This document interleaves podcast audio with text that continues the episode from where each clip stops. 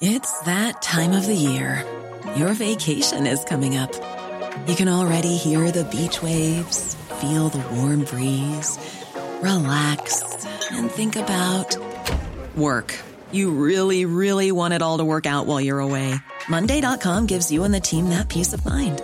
When all work is on one platform and everyone's in sync, things just flow wherever you are. Tap the banner to go to Monday.com. Hiring for your small business? If you're not looking for professionals on LinkedIn, you're looking in the wrong place. That's like looking for your car keys in a fish tank. LinkedIn helps you hire professionals you can't find anywhere else, even those who aren't actively searching for a new job but might be open to the perfect role. In a given month, over 70% of LinkedIn users don't even visit other leading job sites. So start looking in the right place. With LinkedIn, you can hire professionals like a professional. Post your free job on linkedin.com slash people today.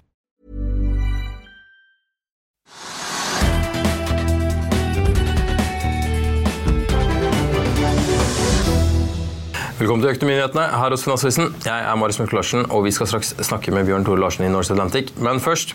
Onsdag peker pilen ned på Oslo Børs. Ved lunsjtider sto hovedindeksen i 1241,82 poeng, ned 0,3% Et fat nordsjøolje omsettes for 75,02 dollar, opp 0,9% Og Equinor faller 1,3% til 320,9 kroner, mens Aker BP faller 0,8% til 262,3 kroner. Aker Solutions har mottatt et tildelingsbrev av Equinor for å levere undervann undervannsproduksjon og kontrollsystemet for Eirin-feltutbygging i Nordsjøen. Oljeserviceselskapet skriver at kontrakten er på mellom 0,5 og 1,5 milliarder kroner. Aksjen faller 0,7% til 37,38 kroner. Desert Control melder at selskapet har gjort fremgang i den strategiske gjennomgangen hvor Pareto Securities og Arctic Securities er rådgivere. Gjennomgangen handler om å endre sin go-to-market-strategi og forretningsmodell for Midtøsten ved å gå over til en potensiell royalty-basert lisensiert operatørstruktur. Aksjen stiger 22 2,7 til 13,08 kroner. I slutten av forrige uke meldte Ultimovax om en mislykket fase 2-studie for kreftvaksinen UV1. Rapporten kom som en stor overraskelse på markedet, og aksjekursen stupte nesten 30% Nå kutter ABG-analytiker Adam Karlsson kursmålet på Ultimovax fra 180 til 100 kroner, samtidig som han opprettholder sin kjøpsanbefaling. Aksjen faller 2,6% til 77,8 kroner. Verdien på Nordic Nanovector er mangedoblet i løpet av den siste måneden. Onsdag stiger aksjen aksjen ytterligere 12,7% til 2,62 kroner. Og med det så hopper vi rett i det. Bjørn Tore Larsen, Norsk Atlantic, velkommen til oss. Du har et jubileum å feire. Tusen takk. Vi er ett år i dag. Ett år. Ett år på vingene. Ett år på vingene. 14.6 i fjor så hadde vi vår første flyving fra Oslo til New York, og det markerer vi i dag. Ja. Hvordan har det gått det siste året? Det har vært uh, veldig spennende. Uh, det har vært en hektisk periode. Vi har jo egentlig flydd mens vi har bygd selskapet. Og vi har ikke bare bygd ett selskap, men vi har bygd to selskaper. Vi har bygd ut aktiviteten i Norge. Og så har vi bygd opp et helt nytt flyselskap i uh, eh, UK med kontor i London. Så alt dette har skjedd parallelt. Og i tillegg så har vi jo hatt en ganske kald vinter, vil jeg si, hvor vi hadde mange flyvinger som hadde for dårlig belegg. Blant annet som følge av de rutene vi hadde valgt, og som viste seg ikke være eh, ideelle. Og også fordi Asia ikke hadde åpna opp i vinter, og fordi vi da gikk inn i vinteren med en veldig høy fuelpris. Alle de tre tingene eh, er annerledes i den vinteren som kommer. Eh, men fokuset vårt har vært å bygge selskapet, eller bygge selskapene og være klar for en sommer nå som kommer til å bli veldig god. Mm. Hva har vært den største positive og negative overraskelsen hvis du skal se tilbake på året som ligger bak deg?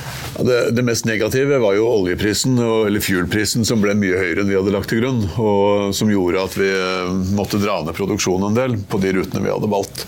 Eh, og det kosta oss en del penger. Eh, og i, i tillegg så Implisitt med Ukraina-krigen så gjorde det også at veien til Asia ble mye lengre, og korona herja fortsatt, og åpna heller ikke veien til Asia. Så det var, det var, dårligere enn det vi hadde lagt til grunn. Det som har vært bedre, er det operative. Vi har jo hatt en veldig god operasjon. Vi har eh, nesten ikke hatt kanselleringer. Eh, og, og, og, vi har en, en eh, evne til å gjennomføre flyvningene som egentlig har gått over hva jeg hadde forventa for et helt nytt selskap som, som, som, setter i gang et maskineri, må forvente noen hiccups her og der. De har vi hatt veldig få av. Så det har vært bra.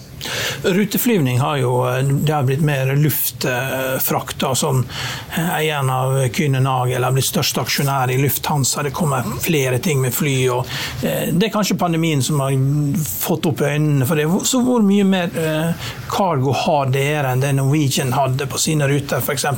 til USA med laks og sånne ting? Jeg har egentlig ikke full oversikt over hva Norwegian hadde på sine ruter, men vi har noen ballpark, og vi ligger, eh, vi ligger på gode volumer eh, sammenligna med hva vi hadde lagt til grunn når vi, når vi eh, satte i gang selskapet, og prisene er også høyere enn det de var.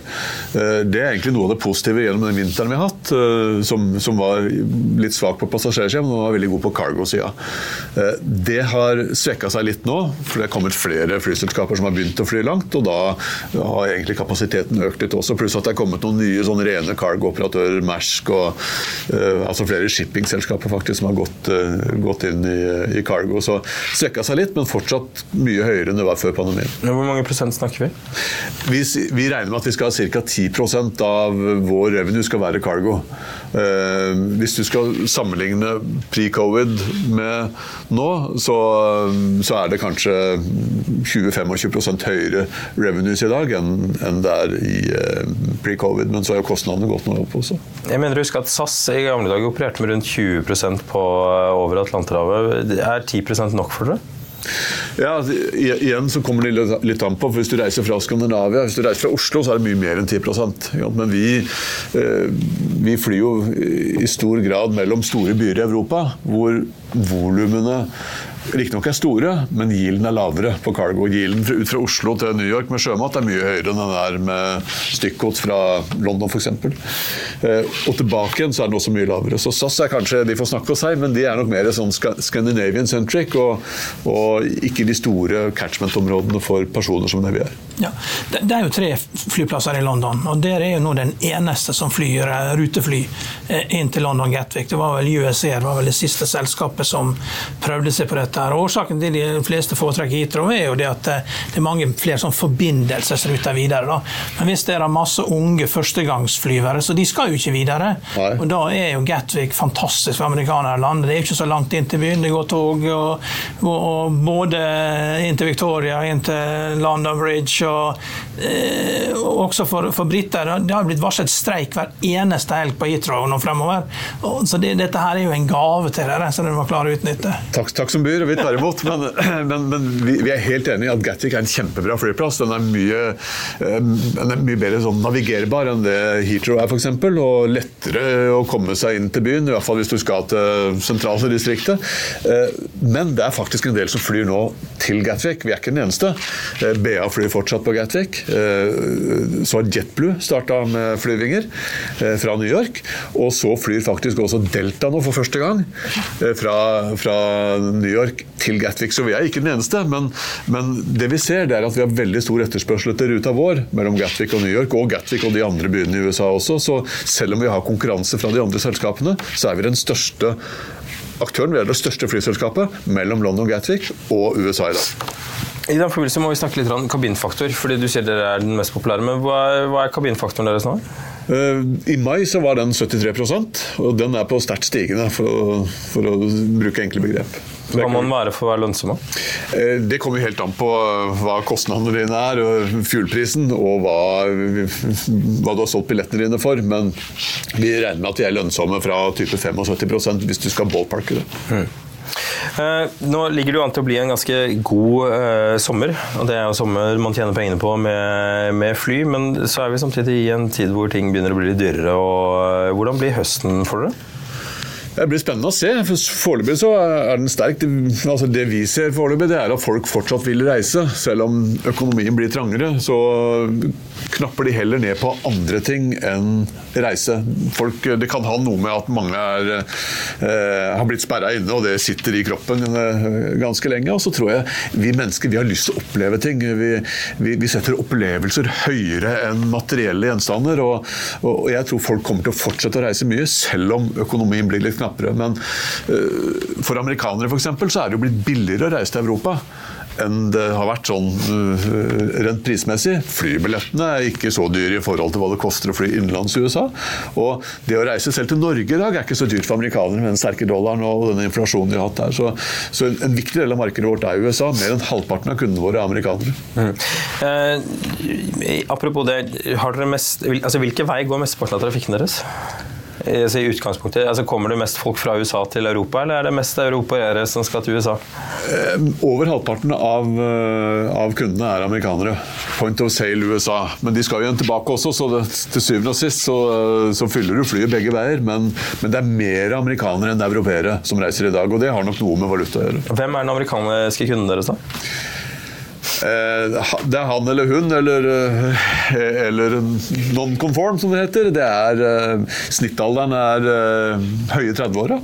Eh, men det er selvfølgelig alle mennesker som eh, ser etter en, en, god deal for å komme over Atlanteren. Og det de opplever når de først flyr med oss, det er at det er ikke bare en, en god pris, men det er skikkelig value for money. Veldig god kvalitet er den tilbakemeldingen vi får på produktet. Og veldig bra crew om bord, ikke minst. De er jo frontlinja vår, og, og, de vi er veldig stolte av. og De gjør en kjempejobb for at passasjerene er happy. Men, men, men vi får veldig mange gode tilbakemeldinger, og, og, det er i alle aldersgrupper.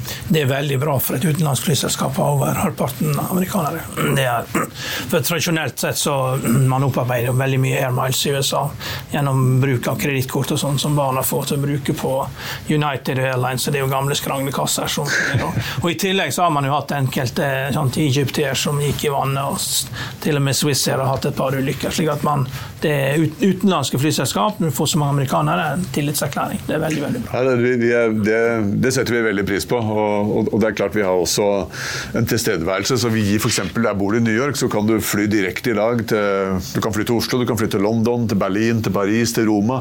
Så du har ganske mange valgmuligheter også, og mange steder kan du connecte med andre selskaper som vi har avtale med. Så vi ser at vi, vi, har, truffet, uh, vi har truffet konsumenten i USA på en god måte. En ung vibe, masse unge folk i flyet. Det er det. Hvor, eh, altså Dere leaser jo flyene deres og har en sånn Power by the Hour-avtale, har dere ikke det? Stemmer. Det vil si, eh, vi, vi, har eh, en avtale som løper ut dette året og litt inn i neste år. Men i sommer for eksempel, så kommer vi jo ikke til å, å nyttiggjøre oss Power by the Hour, for nå flyr vi alt, alle fly det, det remmer og tøy kan holde fra og med sommeren. Hva skjer med de avtalene til neste år? da? Neste år så vil vi jo ikke ha behov for det, for da har vi produksjon uh, selv. Og til en viss grad så kommer vi også til å chartre ut fly til andre. Vi har fem fly som går på jeg kaller det bareboat, jeg er fra shipping, som går på bareboat til et annet selskap, som, som vi får tilbake før neste sommer.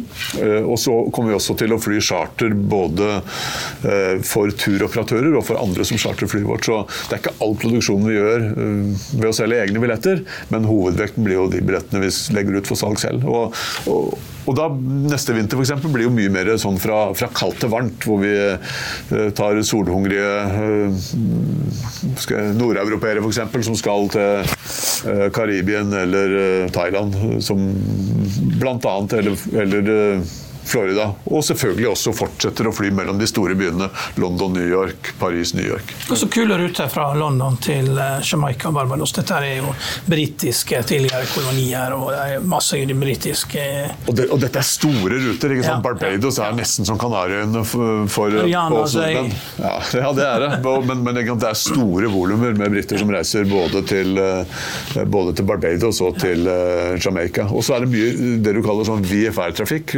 Det det er folk som har familie i den andre enden, som, ja. som reiser en eller flere ganger i året. Mm. Nå er jo et år. Altså, hvilke endringer gjør dere? Hvordan markerer dere at dere har vært et år på luften? Ja, Vi feirer 30 sekunder, og så går vi på videre. for vi, vi, har ikke tid til å feire noe særlig. Nå er det så mye som skal skje de neste ukene. Og, og Det ser veldig bra ut for sommeren, men vi er nødt til å, å levere varene.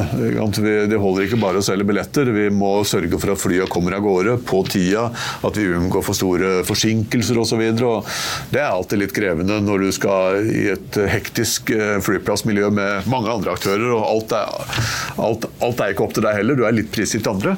Så vi kommer til å ha stålfokus på, på execution. Og så skal vi, skal vi, heller feire når vi tjener penger og, og vet, vet, at vi er godt rusta til å gå inn i vinteren, som vi også tror blir all right, selv om den er mer krevende enn sommeren. Og, og det er vanskelig å tjene penger om vinteren, men vi har jo ambisjoner om ikke tape noe særlig. Det, det sier dere skal ha jubileumssalg av billetter nå. Helt konkret, hvis at eh, folk nå vil fly til eh, Miami og se Messi spille for Inter Miami til vinteren, hva vil det koste folk å fly til Miami med, dere, med disse jubileumsbilletter? Ja, hvis, hvis, du kan, hvis, du kan, kjøpe billetter når det er rimelig, så er du kanskje ned i 3000-4000 kroner for en tur-retur-billett. Um, men det er jo da utenom sesong. ikke sant? Sånn at akkurat nå i sesongen så koster det en, en del mer. Men fortsatt så er vi vesentlig billigere enn de fleste konkurrentene, tror vi. Eller det vet vi, for det følger vi med på. Siste spørsmål, siden vi er Finansavisen. Hvorfor skal man kjøpe Norse-aksjen? Hvis man har tro på at uh, den nisjen vi opererer i, long hold, low cost, uh, har framtida foran seg, så tror jeg man har et selskap som har pole position i det segmentet. Vi har uh, de laveste kostnadene i, i vårt segment, ingen tvil. Og vi har en, en, forretningsmodell som er veldig enkel å forstå. Når det er sagt, og det sier jeg til alle, man skal være forsiktig med flyaksjer generelt. Du skal ikke sette pensjonspengene dine der, eller sette den siste krona di der. For, for fly generelt er er risikosport, akkurat som shipping for den del. Og, så, så, så er, eh, man, man, skal vite hva man gjør når man investerer her også. Ja. Men hva er det med luftfarten som gjør at du blir så trukket til det da, hvis det er så risikabelt?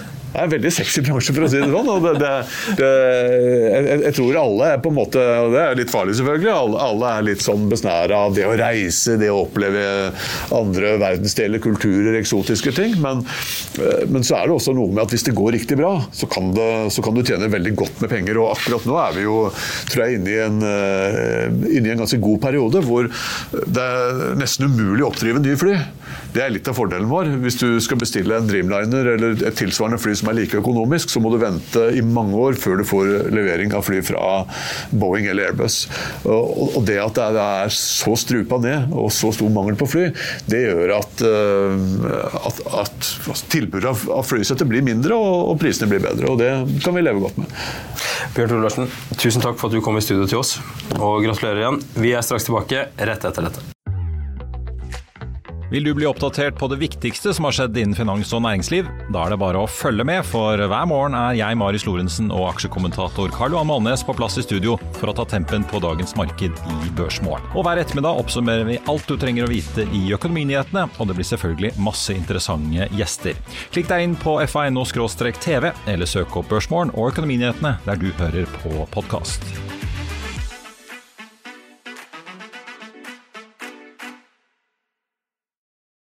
Da er vi tilbake med Jon Skahjem fra Huddlestock. Velkommen til oss.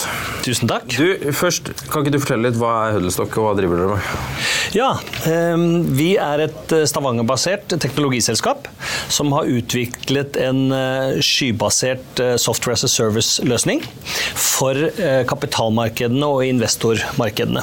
Så vi betjener alt som har med kjøp og salg av aksjer, fond, formuesforvaltning osv. Så, videre. så vi, vi er innmaten som gjør at man kan handle digitalt på nettet eller online. Det er jo snart ti år siden dere ble startet. Dere er i seks land, dere har mange forskjellige virksomhetsområder. Eh, det er mange forskjellige produkter. Hva er det viktigste dere selger til kundene? Eh, jeg vil jo si at det, det, aller viktigste er jo kjerneteknologien vår. Som er selve eh, det som vi kaller eh, porteføljestyringssystemene og tradingfunksjonen, og ikke minst tilgangene til de ulike investeringsprodukter og markedene. Er det for bankene, eller er det for bankenes kunder? Vi er et B2B-selskap, ja. så vi opererer med banker som kunder. Ja. Meglerhus som kunder, formuesforvaltere, kapitalforvaltere. Eh, og så har vi pensjonskunder, og ikke minst så har vi finansportaler som kunder.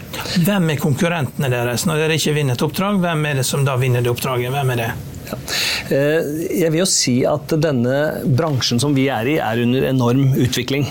Og eh, innenfor de forskjellige segmentene som vi opererer, så er det mange konkurrenter. Hvis du skal ha et, et rent skjært tradingsystem, så er jo Infront veldig bra. Eh, hvis du skal ha et porteføljeforvaltningssystem, så er jo SimCorp Dimension der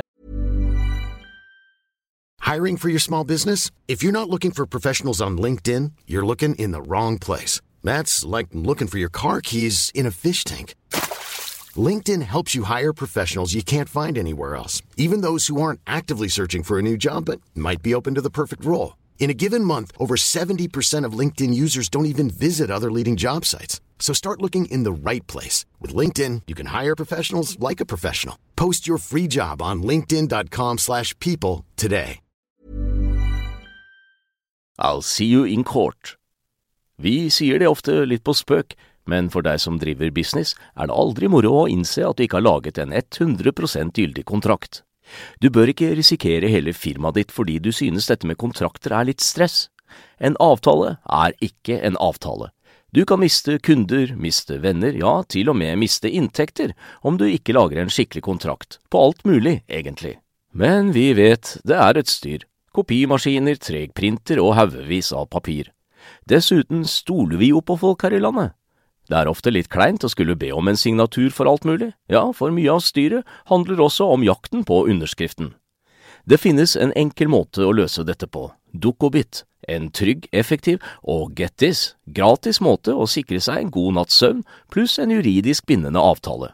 Dukkobit-appen har de strengeste sikkerhetskrav i bunn, samt en EU-godkjent og sertifisert teknologi. Framover vil det bli behagelig å spørre du, skal vi skrive under på det, eller? Kom i gang på dukkobit.no.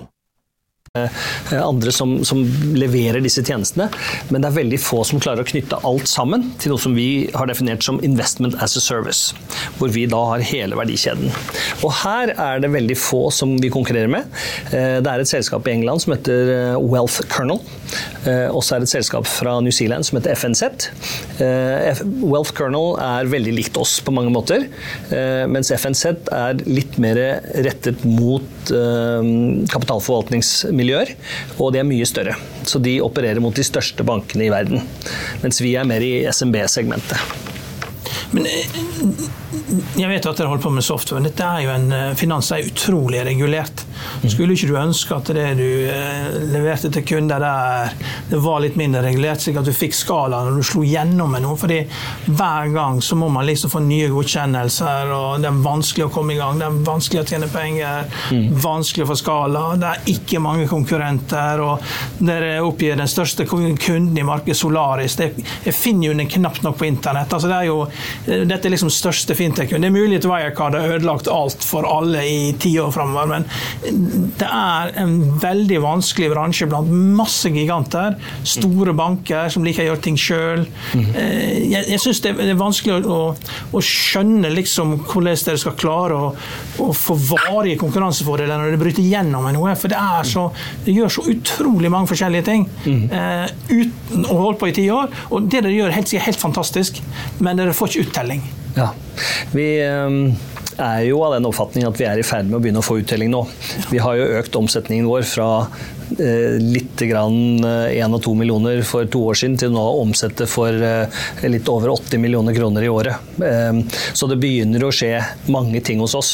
Og ikke minst er det da dette som heter gjentagende inntekter, hvor vi da bygger sten på sten. Der har vi nå bare fra kvartal 4 til kvartal 1 så har vi økt fra 3,5 millioner kroner i kvartalet i fjerde kvartal til 9,5 nå i første kvartal. Nå hører vi med til historien at første kvartal er normalt sett bedre enn fjerde kvartal pga. juleferier og osv. Men, men likevel, vi, vi ser jo eh, en meget hyggelig kurve som går oppover her. Og så tilbake til det du spør om. Altså, eh, det regulatoriske eh, landskapet er jo blitt veldig veldig vanskelig og komplisert etter at vi hadde finanskrisen i 2007-2008. Og nettopp derfor så er vi i ferd med å, å, skape produkter som markedet virkelig trenger, og det er digitalisering av alle prosesser. Og så er det slik at vi leverer jo bare deler av disse produktene, og så knytter vi oss opp mot andre som er da meget flinke på sine områder. Og her kan jeg jo nevne f.eks. Eh, det å få en kunde opp og stå på en digital plattform. Da trenger du jo selvfølgelig å identifisere hvem vedkommende er. Du trenger også å gjøre kundesjekk på om vedkommende vet hva de skal investere i, hvordan de skal gjøre altså alt dette med, som vi kaller KYC, kjenn din kunde. Eh, og så går det videre til dette med å vite om kunden er politisk eksponert, og, og sanksjonsscreening og alt dette er sånn. Og her er det jo samarbeidspartner som vi knytter til oss gjennom såkalte API connections. Og her har jo vi da gleden av å samarbeide med noen av de beste. Så for å ta et enkelt eksempel. Her i Norge så kan du jo ikke være innenfor eh, denne bransjen, eller mange bransjer, hvis ikke du har en relasjon til bank-ID. Det er, det er der folk identifiserer seg og, og logger seg på. Eh, vi har også da samme type partnere rundt omkring i alle mulige forskjellige bauger og kanter. Og dette er jo noe av det som vi syns er kjempemorsomt med, med, fintech og med den nye teknologien. Det er at eh, vi samarbeider. Vi samarbeider med de andre som er flinke, verdensledende på ulike ting, som gjør at vi vil også kunne levere enda bedre produkter til våre kunder. Og her tilbake til spørsmålet ditt. Eh, vi har eh, regulatorisk eh, konsesjon fra Finanstilsynet i Norge til å kunne betjene kunder, onboarde kunder, gjøre oppgjør for kunder, gjennomføre transaksjoner osv. Og det samme har vi i Tyskland gjennom Bafin og Bundesbank. Så vi er fullt regulert, og vi har da det vi kaller investment as a service. Var, var, var Lunar en viktig kunde for dere? Eh, nei, Lunar er ikke en viktig kunde for øyeblikket, men vi håper at vi skal kunne vokse videre og, og fortsette å betjene Lunar med mange ulike produkter som eh, vi er naturlig å kunne være en tilbyder av. Og Hvis vi da eh, tenker ikke nødvendigvis på Lunar, men tenker på en online bank, så er det slik at eh, banker i dag de eh, tjener eh, litt penger på å ha sparekontoer, unnskyld, lønnskontoer, betaling av regninger og den type ting. Men der hvor de kan tjene ekstra penger, det er jo liksom på å tilby spareprodukter til kundene sine. Og her kommer da vi inn som en white label-løsning, hvor vi kan levere fra A til Å på dette. Og eh, Er du en bank, så har du ikke nødvendigvis konsesjon til å drive med investeringer. Eh, megling osv. Og, så og det har vi. Når blir det lønnsomt, da? Vi har satt et hårete mål, og det er at vi skal være EBITDA lønnsomme i desember i år. Eh, og det tror vi selvfølgelig at vi skal klare å få til. Eh, og eh, her er det et par ting som er viktig å poengtere. Det ene er jo at vi fortsetter å øke inntektene våre, og vi skal holde kontroll på kostnadene. Nummer to, vi skal fortsette å investere i teknologien vår. Men det går jo ikke da på EBIT1, men på lavere nivå i EBIT. Slik at vi kommer til å investere ca. 20 millioner kroner i teknologi i år også. Men vi ønsker å være EBIT-positive Eh, ved utgangen av året. Ja, for Kursen deres har jo ikke gått sånn strålende den siste tiden. Den har jo fått en del juling. Når, eh, hvor kommer de 20 millionene fra? Eh, I investeringer, ja. Mm. De kommer fra ulike hold. Vi har i dag noe kontanter på, på bok. Vi, etter at kvartalet var ferdig, så gjennomførte vi oppgjøret for Tracks-oppkjøpet vårt. Og i den settingen så kom Nord-gruppen med en, en kapitalinnsprøytning på 5 millioner kroner. Når vi gjorde Bricknode i Sverige, så fikk vi med oss 4 millioner svenske kroner kontant. Vi har egne aksjer for ca. en verdi, verdi, på 7 millioner. Eh, vi har også da nå, når vi er strømlinjeformet og jobber med å ta ut synergieffekter, så har vi gått til hovedbanken vår og formidlet om at vi ønsker å ha en konsernstruktur. og Det har vi fått til, og det øker jo da selvfølgelig egenskapene våre til å samle inntektene et sted og være mye mer effektive med kontantene, pluss at vi har fått øket lånerammer, kredittrammer osv. Det er liksom hovedpunktene for uh, kontantene. Uh, det andre er når vi kjøpte Bricknow nå, så la vi fram en veldig ambisiøs plan om å kutte eh, synergikostnader. Og det er jo ofte sånn Når du gjør oppkjøp, så, så, blir det veldig ofte sånn ja ja, så skal vi spare så og så mye penger. Men vi la fram en veldig konkret plan på disse ti punktene som vi skulle levere på. Eh, og nå har vi allerede effektuert 9,3 millioner av disse pengene. Eh, og vi har fortsatt noe til gode. Eh, effekten av det vil vi se i tredje og fjerde kvartal. Det tar jo alltid litt tid. Eksempler på dette er f.eks. Stockholmskontor. Vi trenger bare ett Stockholmskontor. ikke sant? Ja, men, men, jeg så dere har kontor i Kuala Lumpur i Malaysia. Er det er det forskning, eller er det, har dere tenkt å få kunder der nede? Hva er det? Eh, det er faktisk et kontor som vi er i ferd med å avvikle. Eh, vi satte opp et Kuala Lumpur-kontor for eh, fem år siden for å se om vi kunne få et brohode inn i Sørøst-Asia. Vi har ikke hatt muligheten til å fokusere på det, for det har vært så mye her i Norden, og ikke minst i Tyskland. Så vi har hatt eh, mer enn nok med å holde oss til eh, det europeiske markedet, og der har vi masse, masse mer å gjøre. Nei, det høres fornuftig ut. Jeg leste årsrapporten, jeg så liksom Jeg så det var en boks, jeg så det var null inntekt der, og ja. da tenkte jeg at her må det spørres hva som foregår. Det er heller ikke så veldig mye utgifter. Da. Det er null Nei, aktivitet ja, der. ja, ja. Du, helt til slutt så må vi adressere det. Det ligger jo, kom ut en sak i Finansavisen om at dere har litt uh, avvik i, i regnskapet som, uh, som, det har vært litt uh, diskusjoner rundt. Kan ikke du forklare hva som har skjedd der? Ja, Vi har ikke noe avvik. Det vi har, er at vi når vi skulle gå fra publiserte midlertidige tall for 2022, så hadde vi ikke tatt med oss alle avskrivningene som vi skulle gjøre. Og da i, i, kraft av at vi satte i gang teknologien for tradingfunksjonen vår med tyske kunder, så eh, sies det at god forretningsskikk og revisjonsskikk er at du da skal begynne å avskrive den investeringen når, når produktet er tatt i bruk. Og det ble tatt i bruk i fjerde kvartal, så derfor så eh, gjorde vi det på den reviderte regnskapet vårt. Og det var en effekt på 5,6 millioner kroner. Eh, de øvrige er små justeringer hit og dit. Eh, og eh, det som kanskje Eh, ble litt dumt, da, som, som, vi tar kritikk på, det er at vi burde jo synliggjort det på en mye bedre måte. At det var en avskriving her på 5,6 millioner, hvilket i utgangspunktet ikke har noe cash-effekt. Den har ingen eh, reell annet enn at det er en avskrivning, som reduserer selvfølgelig bunnlinjen på, på resultatet vårt. Det er en ting til. Eh, dere har en agreement med Morningstar. Det er jo et Chicago-selskap som setter stjerner på ulike fond. og sånn. Hva, hva går den avtalen ut på? Eh, den avtalen går ut på at vi gjennom Morningstar kan distribuere deres eh, markedsdata og analyser. Eh, og for at du skal ha en skjerm som dette bak her, sånn, så må du ha input fra de ulike børsene.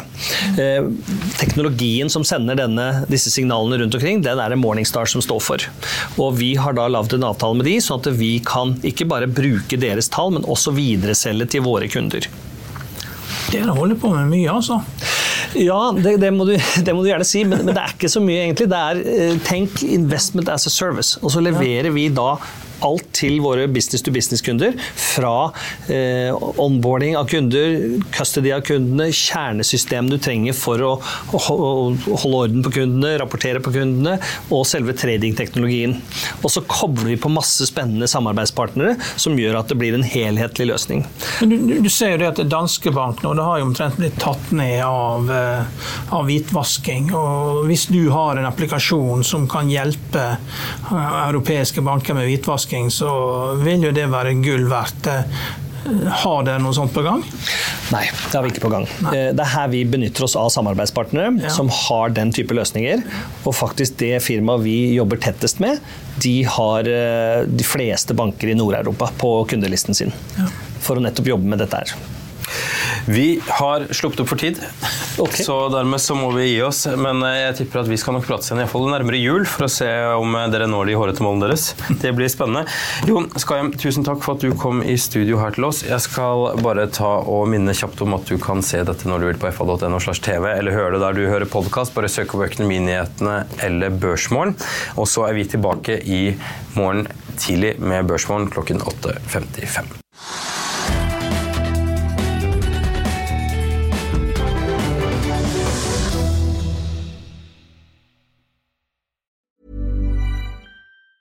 Hi, I'm Daniel, founder of Pretty Litter. Did you know cats tend to hide symptoms of sickness and pain? I learned this the hard way after losing my cat, Gingy. So I created Pretty Litter, a health monitoring litter that helps detect early signs of illness by changing colors, saving you money and potentially your cat's life. Pretty Litter is veterinarian developed, and it's the easiest way to keep tabs on your fur baby's health right at home. Go to prettylitter.com and use code ACAST for 20% off your first order and a free cat toy. Terms and conditions apply. See site for details. Økonominyhetene er en podkast fra Finansavisen. Programledere er Marius Lorentzen, Stein Ove Haugen og Benedikte Storm Bamvik. Produsenter er Lars Brenden Skram og Bashar Johar. Og ansvarlig redaktør er Trygve Hegnar.